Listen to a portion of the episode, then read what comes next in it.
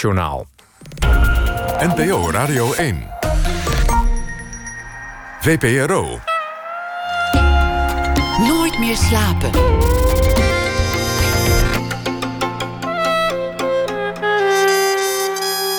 Met Pieter van der Wielen.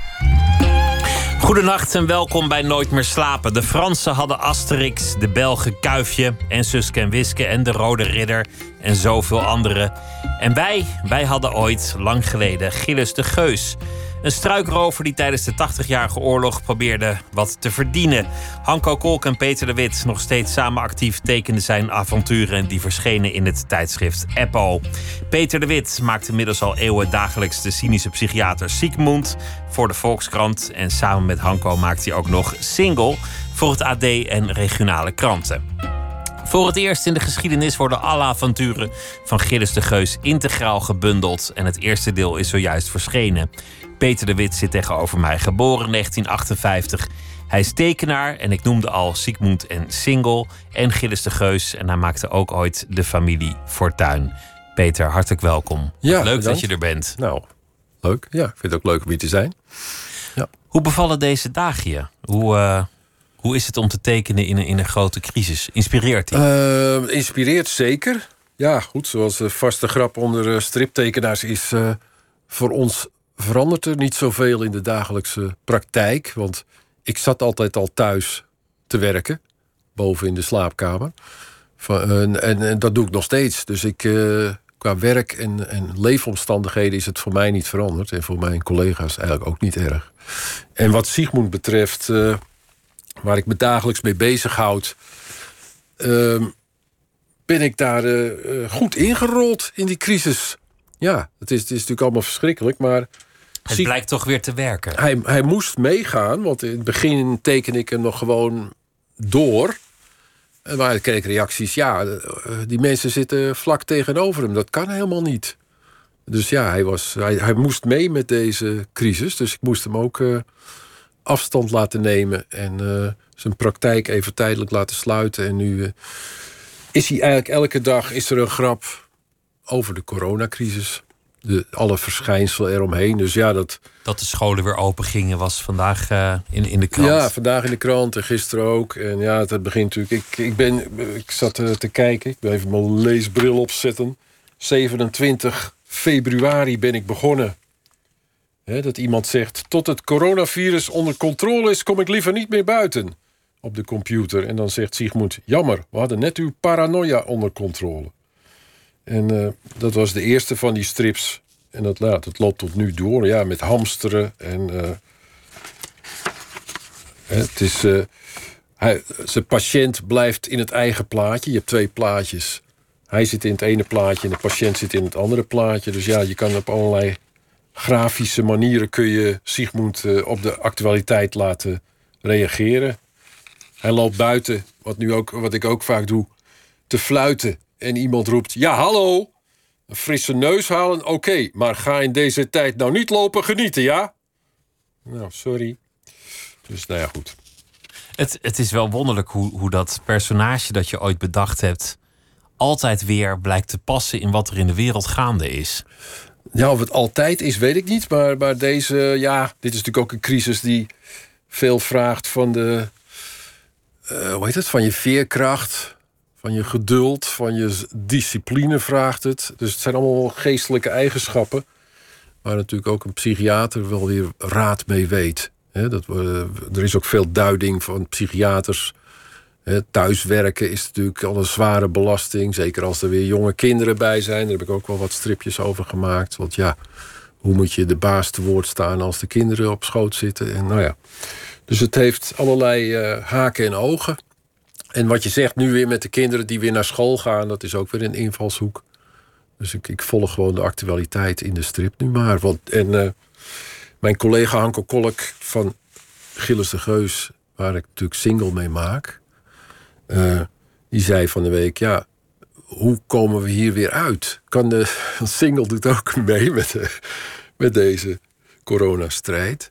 En hoe kunnen we weer de strip gewoon maken op een gegeven moment? Weet je wel? Dat het weer gewoon. Een, een soort exit-strategie ook voor de Ja, cartoonisten. dat is ook weer wat. Heb ik niet over nagedacht. Ja, het kan, je kan natuurlijk gewoon weer naar de oude situatie terugkeren. waarom niet? Maar eh, ook weer niet. Hè? Want ja, we zitten allemaal in, in hetzelfde, hetzelfde draaimolen. Moeten, moeten hier doorheen komen. Ook de figuren.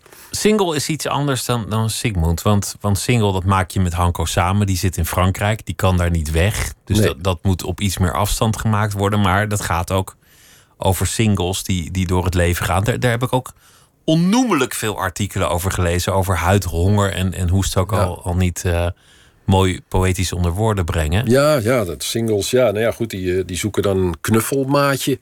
Als je natuurlijk alleen bent, Een coronapartner. een coronapartner. Ja, goed, die liever geen corona heeft, maar die gezond is en waar je dan.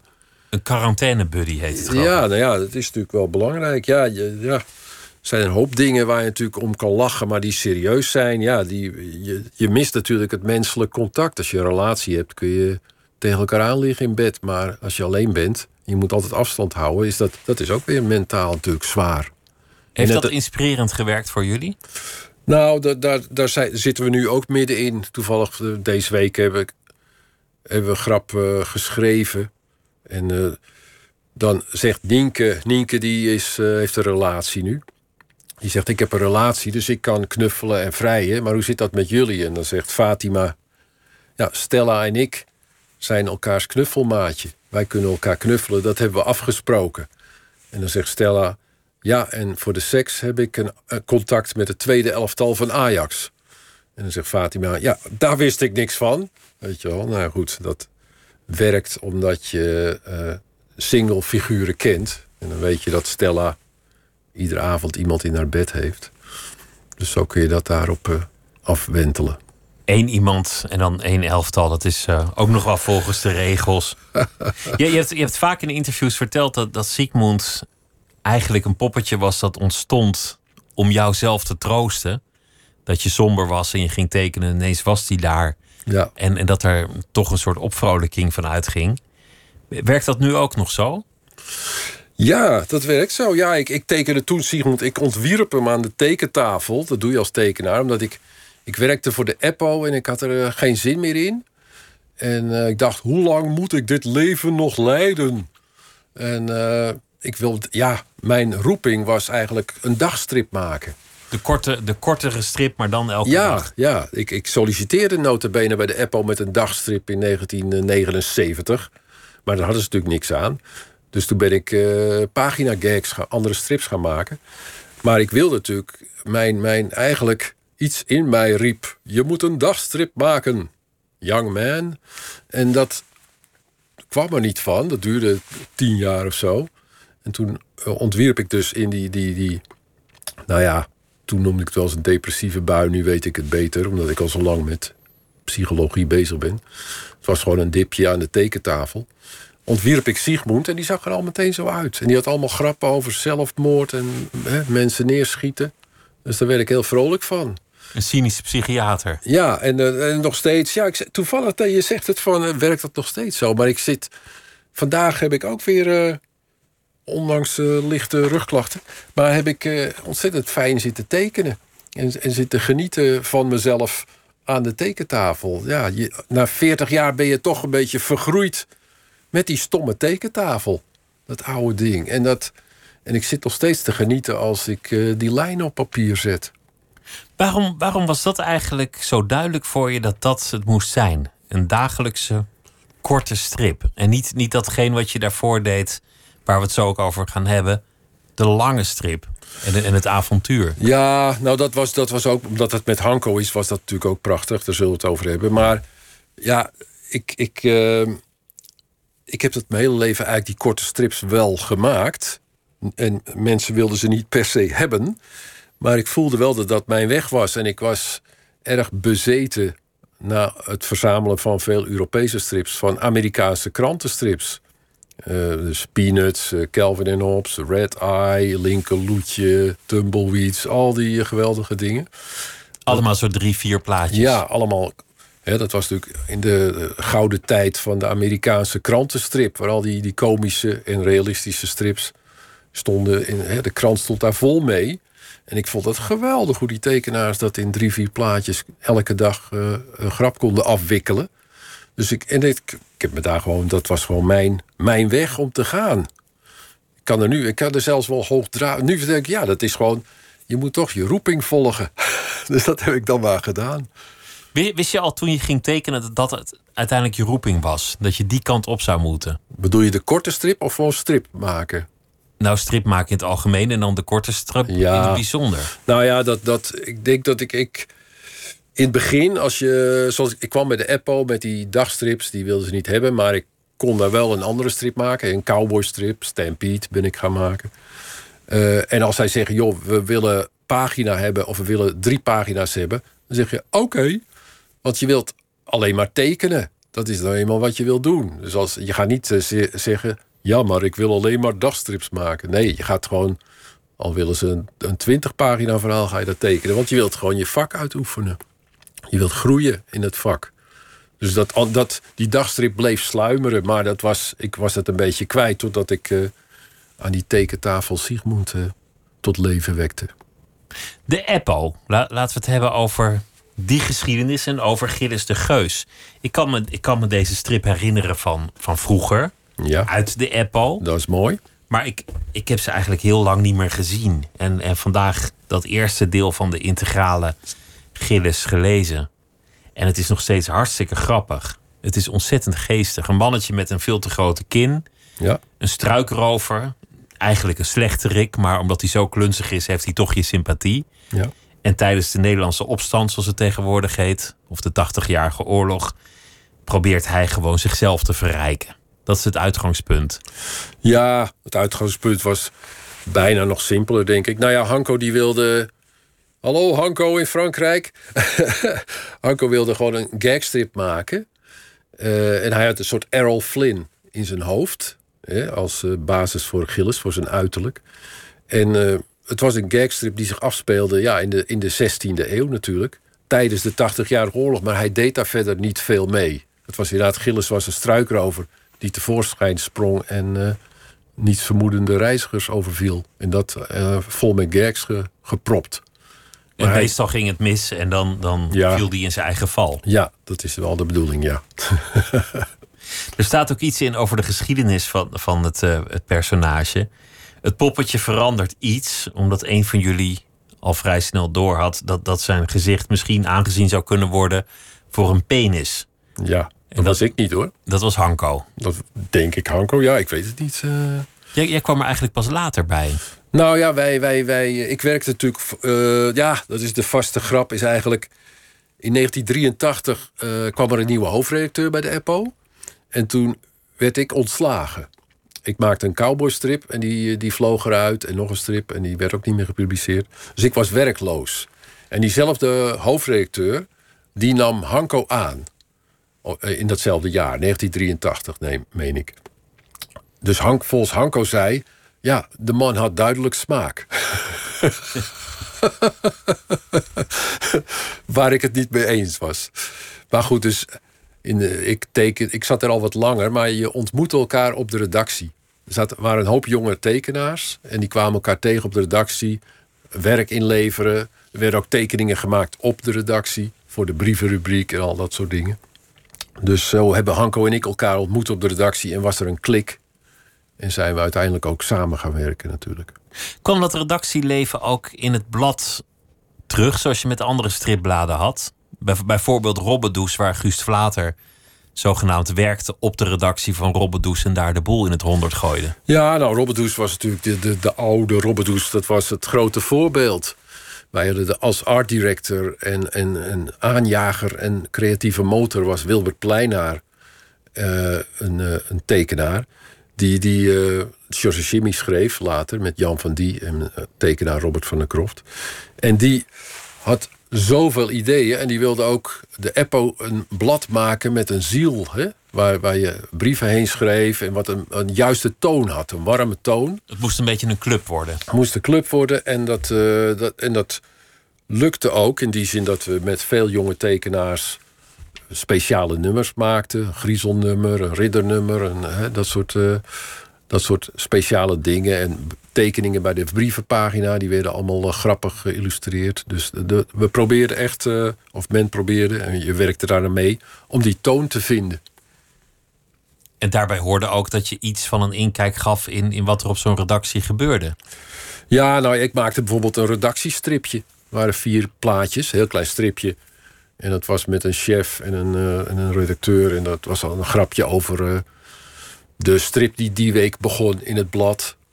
Of over een striptekenaar die weer te laat was. Dus zo probeer je een beetje het wereldje uh, open, te, open te breken voor de lezers eigenlijk. Dat is een kijkje namen in de keuken.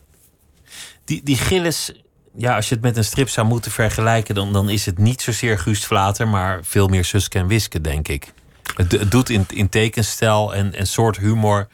misschien een beetje denken aan de oude Willy van der Steen... de Rode Ridder. Oh, nou, dat is wel... Uh, dat is wel de spijker op zijn kop in die zin... dat wij, wij, wij Hanko en ik... Uh, waren gek op uh, Van der Steen en vooral de Rode Ridder inderdaad. Ons eerste verhaal, een, een lange verhaal samen heette ja, Storm over Dubbeldam. En een, een, een, van de eerste boeken van de Rode Ridder is Storm over Dammen. Dus dat was wel duidelijk een citaat naar Willy van der Steen toe. En we gebruikten ook wel zijn, ja, van die Rode Ridderachtige termen. In, in, uh, vonden we prachtig, hè? Johan de Rode Ridder deed een zware val. Dat soort uh, Vlaamse uitdrukkingen. Dat taalgebruik. Ja, ja. De, de... En, en, veel gebruik van de geschiedenis, want daar, daar hield hij ook van. Ja, en uh, nou ja, daar hield ik ook van. Dat was het moment. Hanko wilde na al die gags, die wilde eigenlijk toch wel iets meer. Zijn talent toch meer ontwikkelen. En zijn talent ligt weer meer in, in langere verhalen. Uh, dus op een gegeven moment gingen we samenwerken. Ik zei, ja, je hebt eigenlijk goud in handen, maar je doet er in die zin niet veel mee. Want het speelt zich wel af in die 16e eeuw. En er zijn af en toe een Spanjaarden, maar de, de, de, de 80-jarige oorlog, dat is natuurlijk het thema. Gilles de Geus, nota bene. Dus je moet de geuzen erbij betrekken. En Willem van Oranje. Het is natuurlijk de vrijheidsstrijd van Holland tegen de Spanjolen. Dat is uh, het thema van Gilles de Geus. En daar zijn we toen mee aan de slag gegaan. In het begin zijn die stripjes heel kort. En dan heb je eigenlijk alleen het stadje, de rover en de Spanjaard. En gaandeweg wordt het, wordt het echt grote avonturen die ook een beetje historisch zijn. Ja. Al, alles wordt wat uitgebreider. Ja, dit eerste deel van de integrale komen natuurlijk drie om alle verhalen te uh, bundelen. Dit eerste is gewoon helemaal uh, de aanzet van Hanko. Een ontwikkeling van de gagstrip. Dus uh, je ziet. Hanko die is van oorsprong eigenlijk een realistische tekenaar. Je ziet hem deze strip ontwikkelen en vormgeven. En je ziet hem heel snel groeien in zijn tekenstijl in die korte verhalen. Dat doet best hele moeilijke dingen opeens. Hij gaat dingen met belichting doen en uh, camera-standpunten van onder en van boven. Dus hij is, heeft, ontwikkelt zich uh, in die jaren eigenlijk heel snel. En hij wilde dat uiteindelijk, want het was natuurlijk een gagstrip over een struikrover. Uiteindelijk was het toch zijn doel, uh, bewust of onbewust, om langere verhalen te maken. En dat zijn we uiteindelijk dan gaan doen. En die verhalen staan dan weer achter in dit uh, eerste deel. Het is, het is wonderlijk dat als iemand een strip of, of een cartoon lang maakt, dat het personage altijd losser wordt. Dat dat poppetje in het begin altijd wat vast lijkt te zitten in zijn lijnen en, en gaandeweg ja, meer, meer zoom krijgt. Ja, dat, dat, dat is natuurlijk logisch. Want in het begin, ja, Kijk maar naar de eerste kuifjes en de laatste kuifjes. Of, of maakt eigenlijk niet uit welke oh, ja. stripfiguur je nou, neemt. Wat, wat Ze kuifje, worden losser. Wat kuifje betreft is precies omgekeerd. Vond je, vond je hem in het begin losser? Ja, Hergé. Je zou ook ooit een keer als je tijd... en het is weer open, naar het Musée Hergé in Louvain. Of ben je daar al geweest? Ja, ooit. Ja. Nou ja, dat is, dan zie je Hergé. Die tekende natuurlijk voor de Tweede Wereldoorlog... tekende die ontzettend veel. Maar het was allemaal grafisch prachtig en heel los. Het was bijna Mickey Mouse. Het was allemaal heel, heel, heel bewegelijk. Het was helemaal niet die rigide, klare lijn. Die, die is eigenlijk door zijn assistenten ontstaan. Ja, maar dus even het, poppetje zelf bedoel ik. Ja, kuifje. Kuifje was een beetje stijvig. Ja, het was, was veel schematischer. He? Als je, die allereerste kuifje is natuurlijk veel simpeler. Maar het was wel heel ja, swingend om te zien eigenlijk. Maar kijk, bij Hanko die moest voor het eerst een gagstrip tekenen. En dan, ja, dat begin je met het zweet in je handen.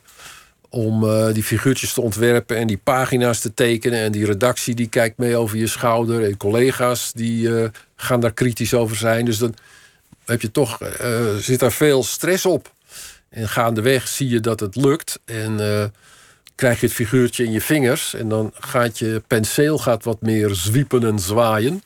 En dan ziet het natuurlijk allemaal veel soepeler en losser uit. Dus je moet het eerst toch wel de kans krijgen. En dat was natuurlijk het geweldige van de Eppo. Dat heb ik ook meegemaakt. Je kon alle fouten maken, want je kreeg de kans om te groeien. Je mocht gewoon een jaar. Dat was de sfeer daar. Je kreeg Ja. een op je donder. Ja, ik heb ook alle, alle fouten gemaakt met, met tekenen, inkleuren, schrijven. Ja, dat werd allemaal gepubliceerd. Of fouten, ja. Het was gewoon niet goed genoeg eigenlijk. Maar je groeit daarin en uiteindelijk krijg je zo'n figuur in zo'n strip beter in je vingers. Die heruitgaves, dat, dat is wel iets leuks. Want misschien herinner ik het me niet goed. Maar in mijn herinnering werden ze destijds niet zo mooi gedrukt. Nee, nou, het waren natuurlijk de, de. Dit is natuurlijk ja, voor de luisteraar een, eh, een kloek album van, wat is het, 200 zoveel eh, pagina's. Gebonden. Eh, zo, maar vroeger was het natuurlijk een softcover album van eh, 44 pagina's. Voor 5 gulden. of eh 4 euro. Dus dan ga je dat ook niet heel mooi drukken. Nou ja, Een beetje glanserig was het. de een was wat beter dan de ander hoor. Maar het kan zijn dat ze na tien keer lezen een beetje los gaan laten. De lijmrug, ja dat kan. En deze, nu is het natuurlijk allemaal, ja, het is ook een beetje nostalgie. Maar heel veel strips worden nu zo integraal uitgegeven met een mooi dossier. Hè, van eh, Baart en Kale en eh, weet ik het, de Rode Ridder zelfs. En Natasja en al, alle Eppo, Robert Does, kuifjesstrips worden zo uitgegeven in een mooie gebonden uitgave. Elke week wel weer een nieuwe. Wat, wat, wat echt feest is. Wat, wat was eigenlijk de reden dat jij ging tekenen? Heb je altijd al getekend? Zat je als kind al te tekenen? Ja, ik, ik zat eh, ja, op de kleuterschool tekende ik al de Flintstones. Ik was altijd aan het tekenen. Ja, dat, eh, dat, ja ik was een tekenkind, ja. Ik, ik ben er nooit mee opgehouden. Maar En de Flintstones wijst al meteen in de richting van het medium wat je bent gaan beoefenen. ja, maar dat was denk ik omdat de Flintstones... had je een Flintstones stripboekje. Of, we hadden ook wel de, de Vivo... eh, dat was zo'n winkel, hè. Vivo gaf ook strips uit. En plezier met Shores en eh, dat soort, ja... Alles wat binnenkwam, dat eh, verslond je natuurlijk. Dat probeerde je een beetje na te tekenen. Was, was er nooit een, een gedachte, wat moet ik in godsnaam later gaan doen? Wat moet ik worden? Want- want Nou, ja, zeker. ik kan me zo slecht voorstellen in die tijd dat je ooit dacht dat je daarvan zou kunnen leven. Nou, vooral bij mijn vader en moeder was die gedachte heel sterk aanwezig. Dat dit niet een goede, een goede weg was. Nee, maar ja, goed, je, je, het is nou eenmaal de weg die je moet gaan. Ik weet, mijn vader die heeft me nog laten solliciteren bij de Rabobank. Maar ja, ik Was wat? Nou, gewoon als, als bankmedewerker. Als, eh, Achter een balie. ja, ja. En dus het was, eh, hij kende daar mensen en ik mocht op, op, op gesprek komen. En eh, ja, ik zat daar als, een- als een zak patat eh, op een stoel met hangende schouders. Totdat iemand vroeg, en heb je ook hobby's? Zei ik, ja, Toen werd je enthousiast. strip tekenen. Dat doe ik de hele... Nou ja, dus toen was de sollicitatie gauw afgelopen. Ze zei, u bent, of jij bent niet geschikt voor deze mooie bank. Dus toen moest ik dat mijn vader weer melden. Nou ja. En blijft die zwaarmoedigheid dan lang bij je in, in, in je leven? Wa- Was er eigenlijk een moment dat je, dat je wist... Zwaarmoedigheid? Nou, je zei van, ik moet eigenlijk iets gaan doen... of ik, ik ben Oh, niet nee, geschikt nee. voor de samenleving. of- Oh ja, nee, maar ja, dat, dat gevoel heb ik nog steeds... dat ik niet geschikt ben voor de samenleving. Maar goed, inmiddels heb je erkenning. En Nee, maar het, nee, er was niks zwaarmoedigs aan. Ik, ik, ik, ik had het fantastische voordeel dat ik al van kinds af aan wist wat ik wilde worden. Of het zou lukken, ja, dat is natuurlijk het tweede. Maar ja, ik was niet. Ja, je hebt natuurlijk. Wat pas erg is als je niet weet wat je wilt worden. Als je op je vijf. geen roeping hè, hebt, Als je geen- geen roeping hebt, of niet, wat moet ik nou met mijn leven? Nou, dat is bij mij nooit een probleem geweest. Want er was maar één ding wat ik kon, of wilde.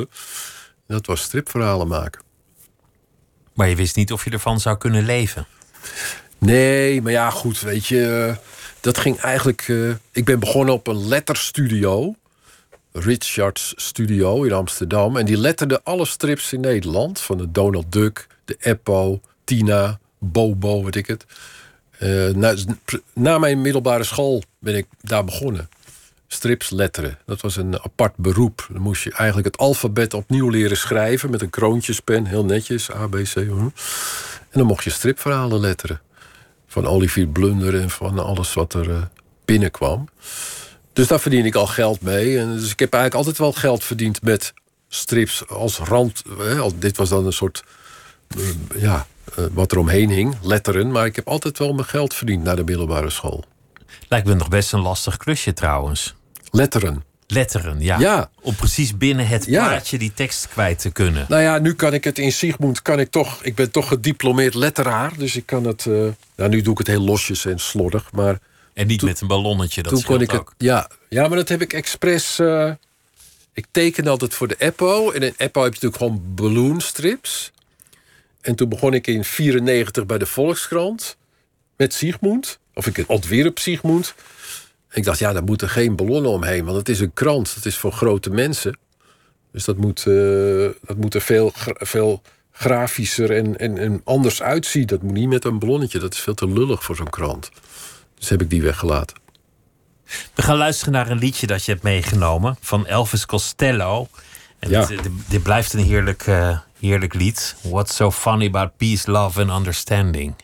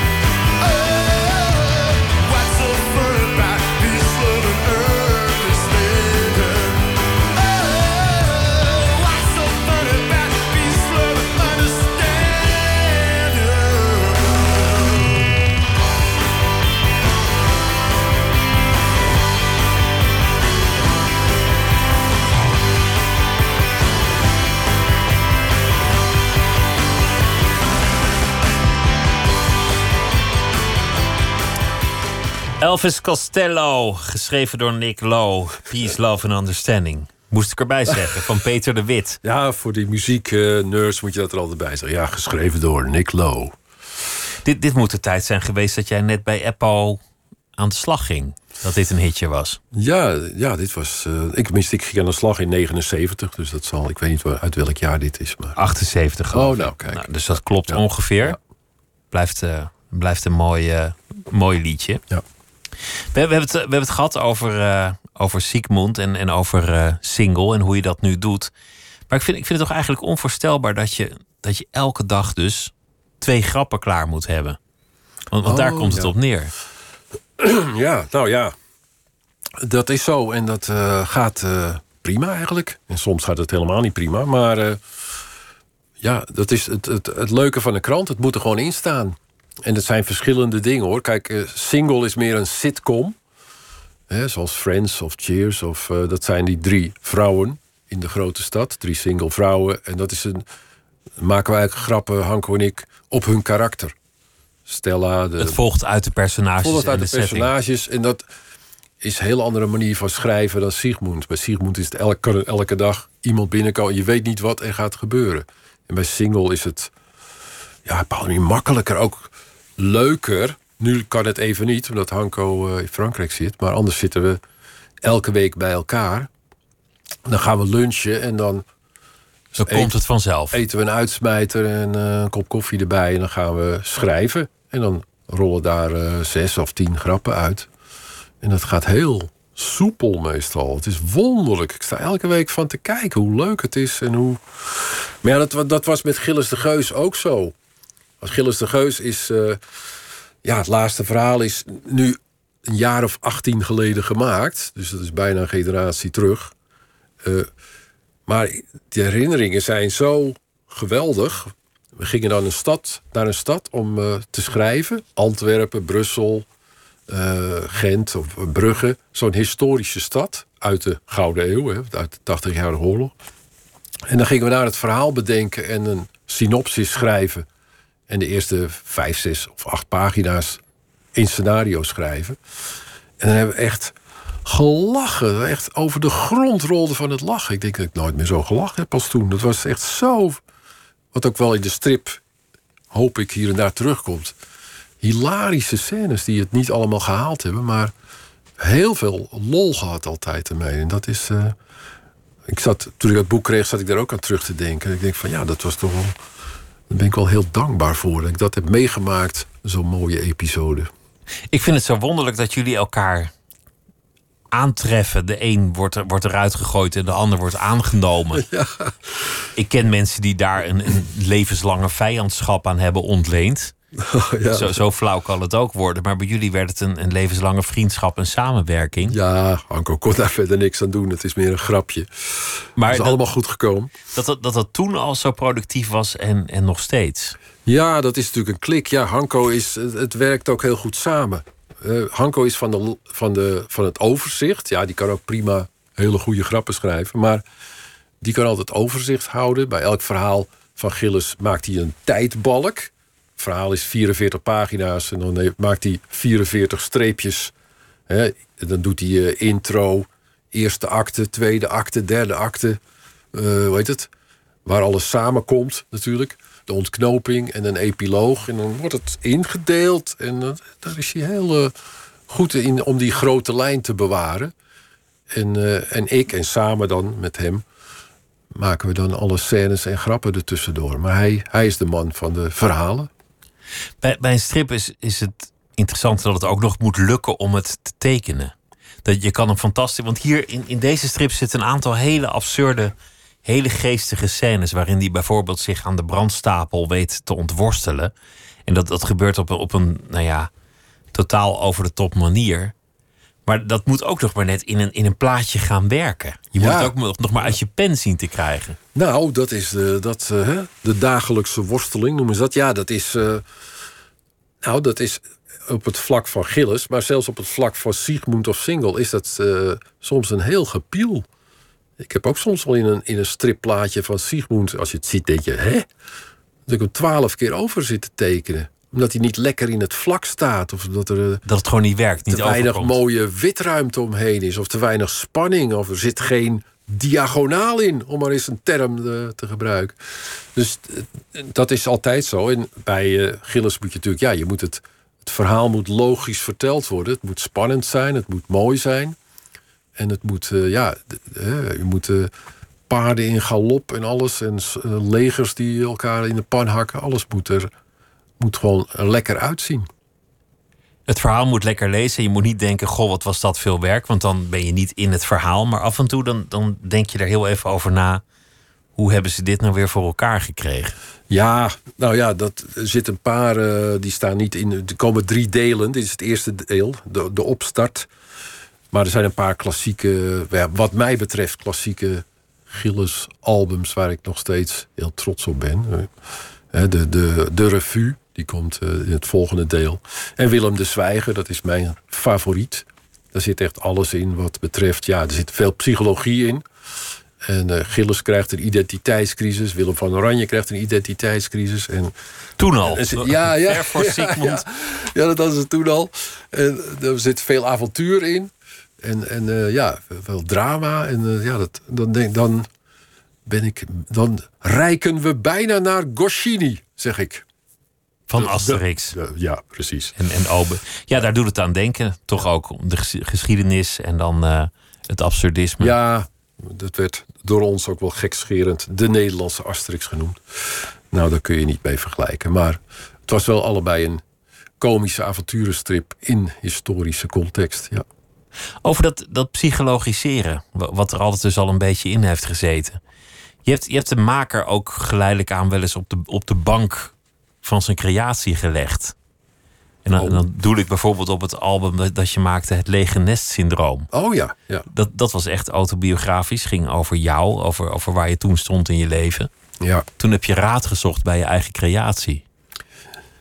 Ja, ik denk dat dat een soort. eh, nou, bijna. Ik zal niet zeggen faalangst. Maar ik had dat boek gewoon kunnen maken zonder Sigmund.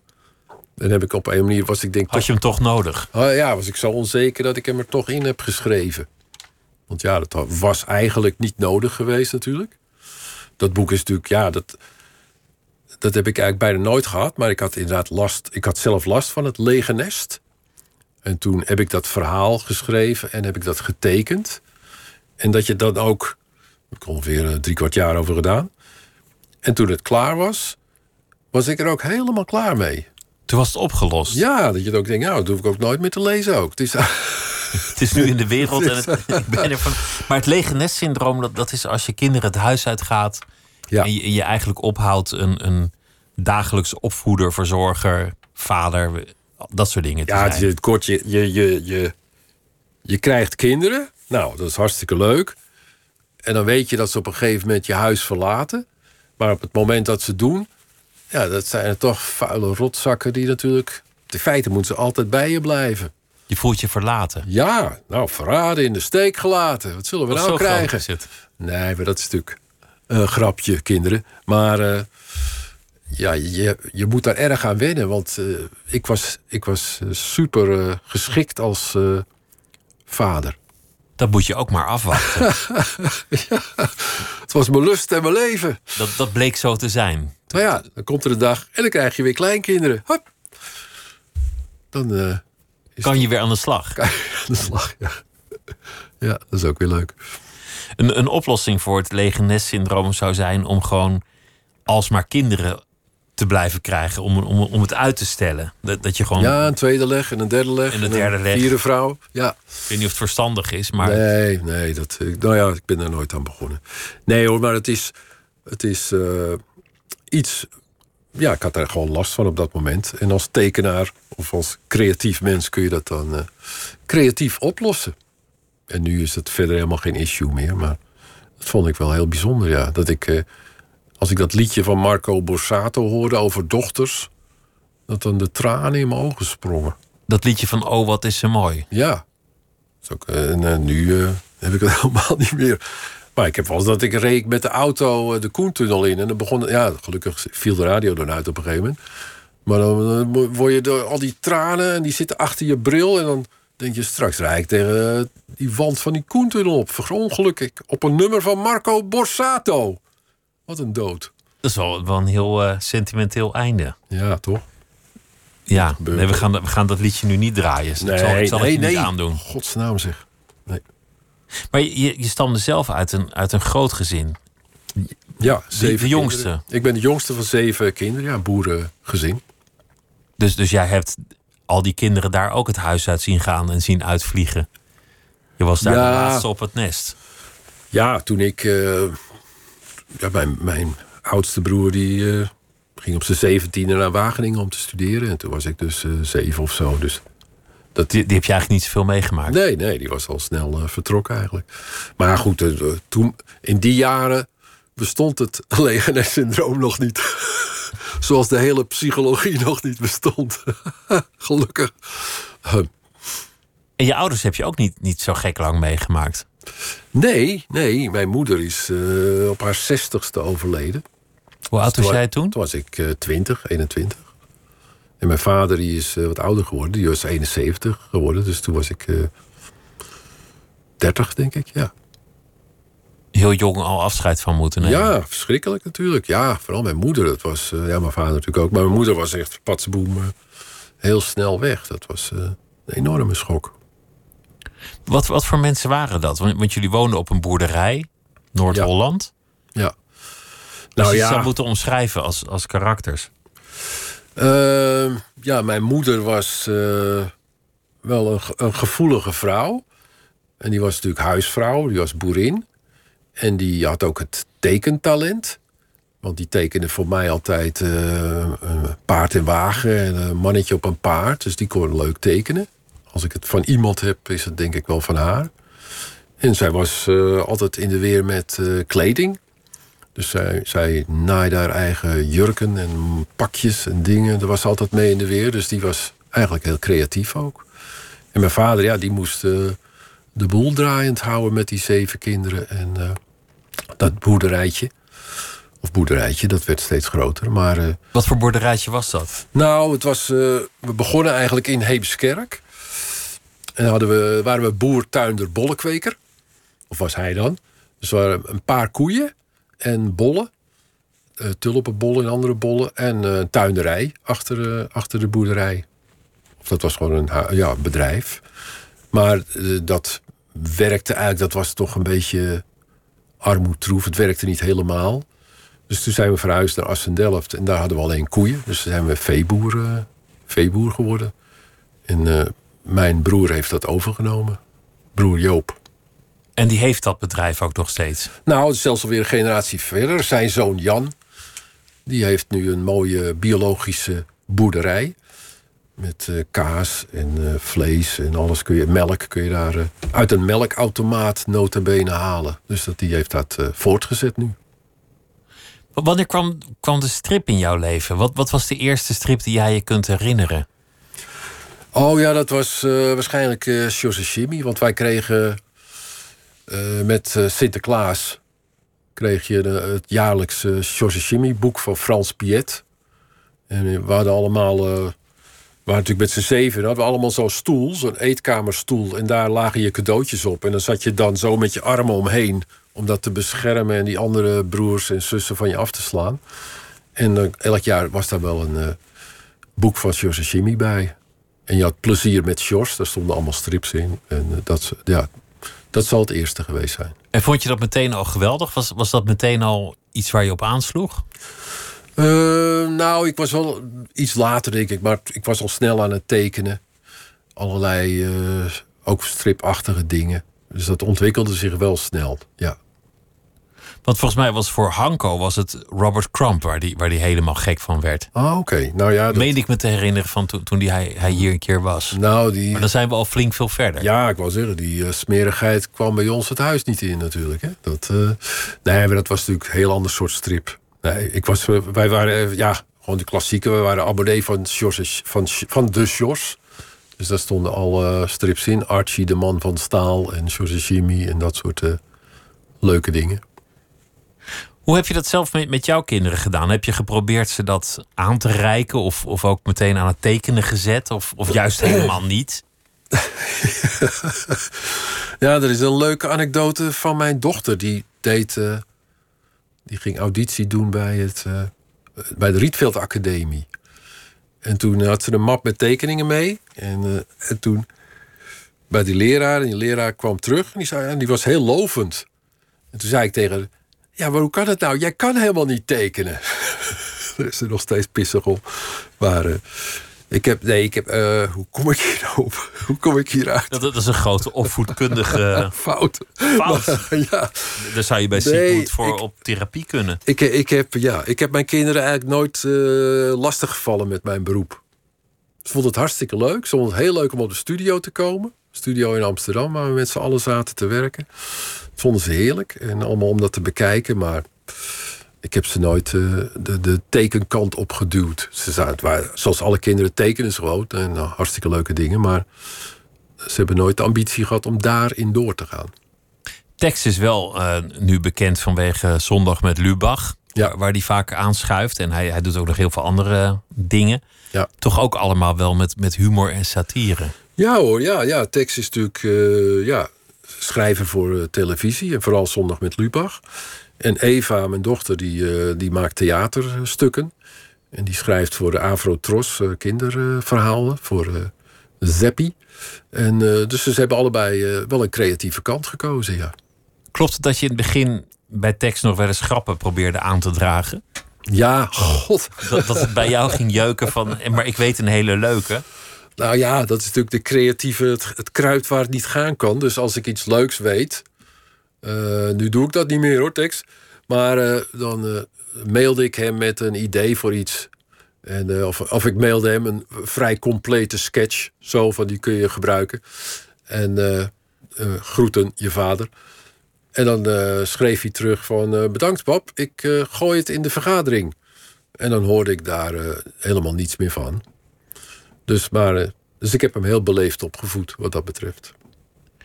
Nooit rechtstreeks afwijzen. Altijd zeggen, we zullen eens Nee. kijken wat we hiermee, hiermee doen. Keurige jongen. En, eh, maar ja, het leuke van Zondag met Lubach is ook dat het eh, door allemaal jonge mensen gemaakt wordt. Want vaak is humor op tv wordt ook door mensen van mijn leeftijd gemaakt.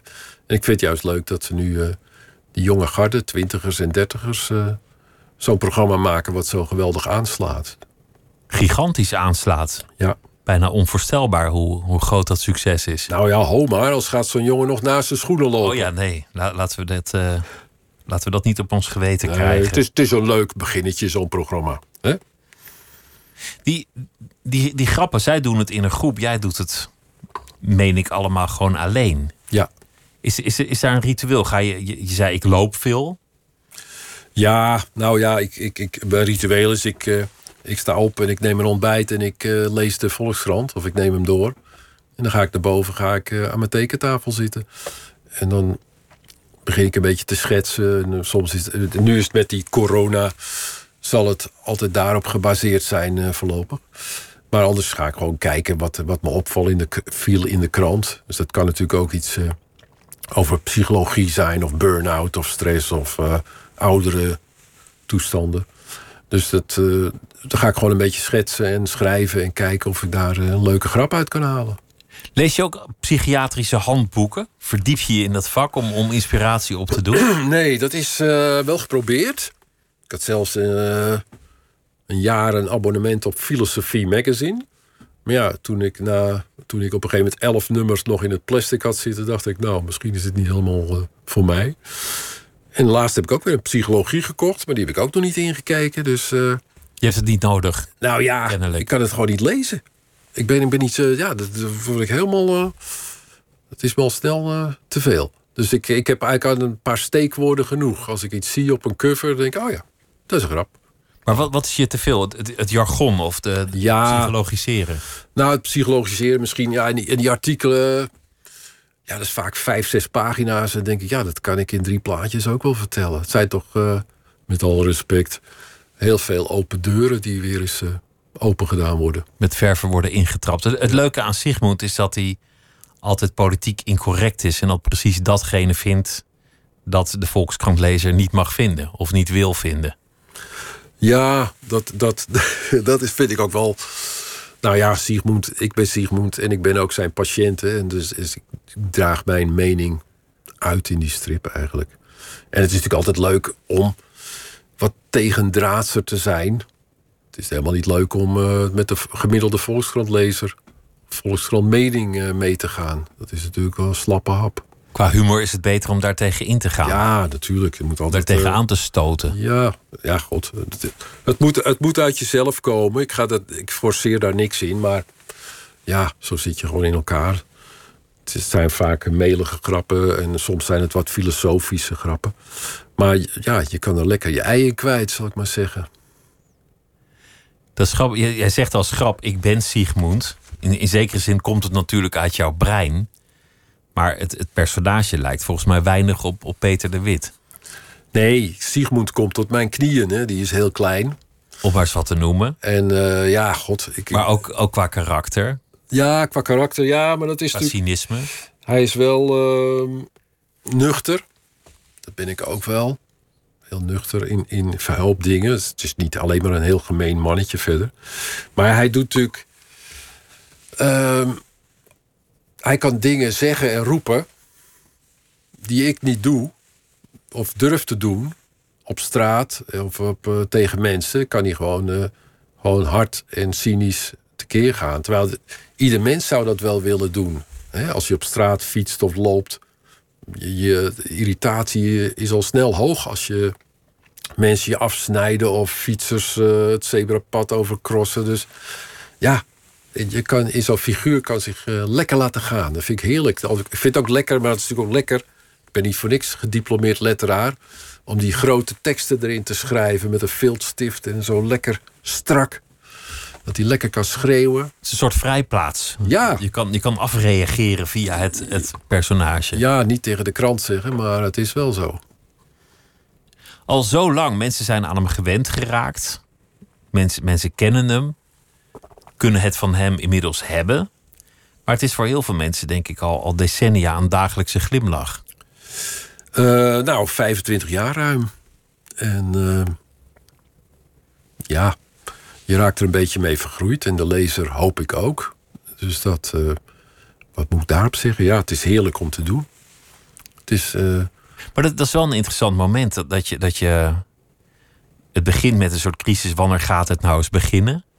En dan, dan vind je het. En dan, dan is het ineens 25 jaar verder. En dan denk je, ja, dit, dit is eigenlijk gewoon goed. Dit, dit, is gaaf dat ik dit kan doen. Dit verveelt me niet.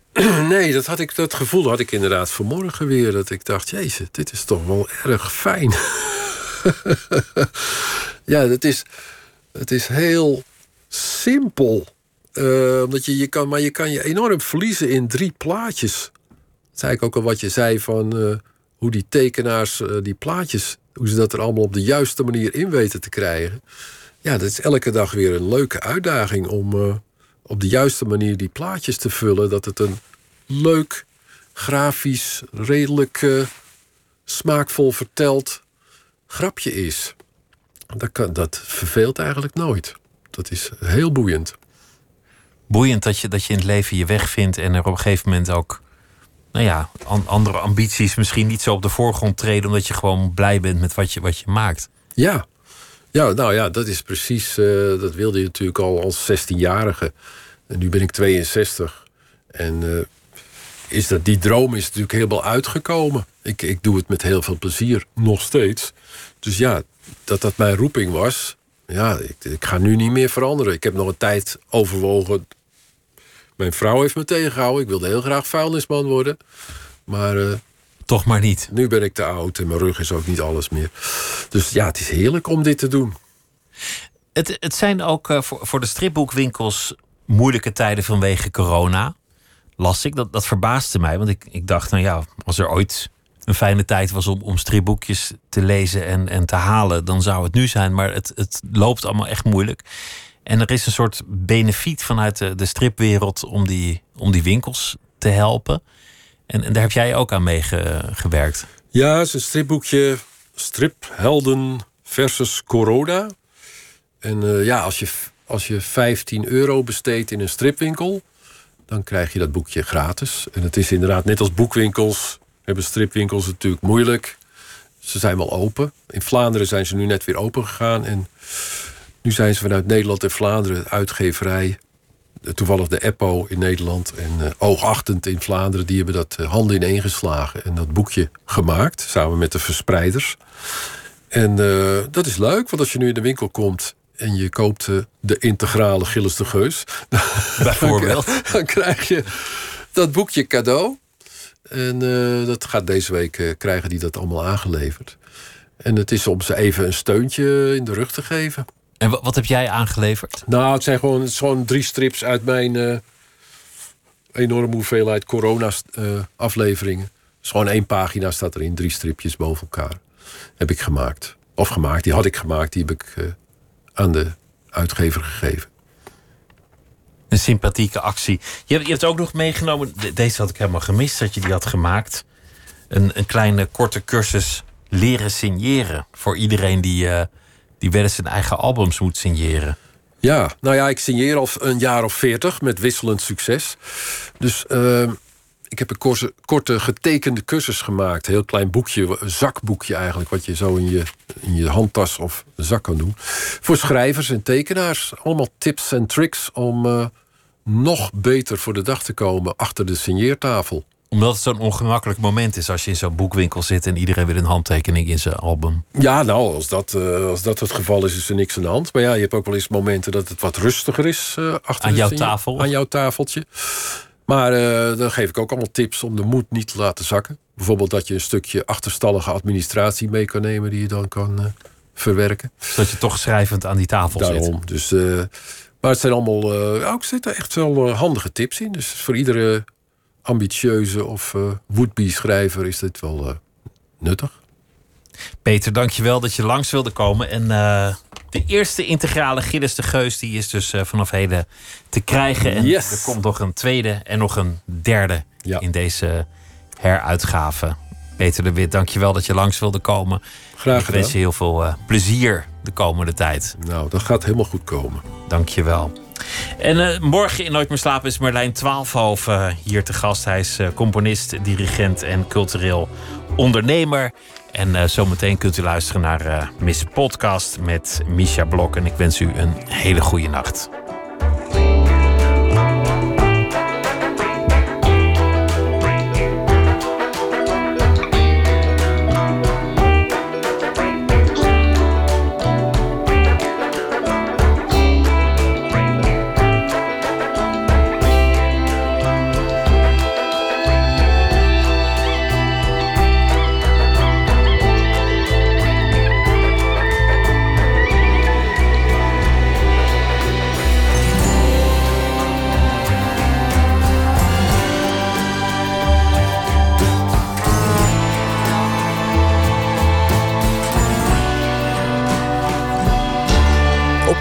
1. Het nieuws van alle kanten.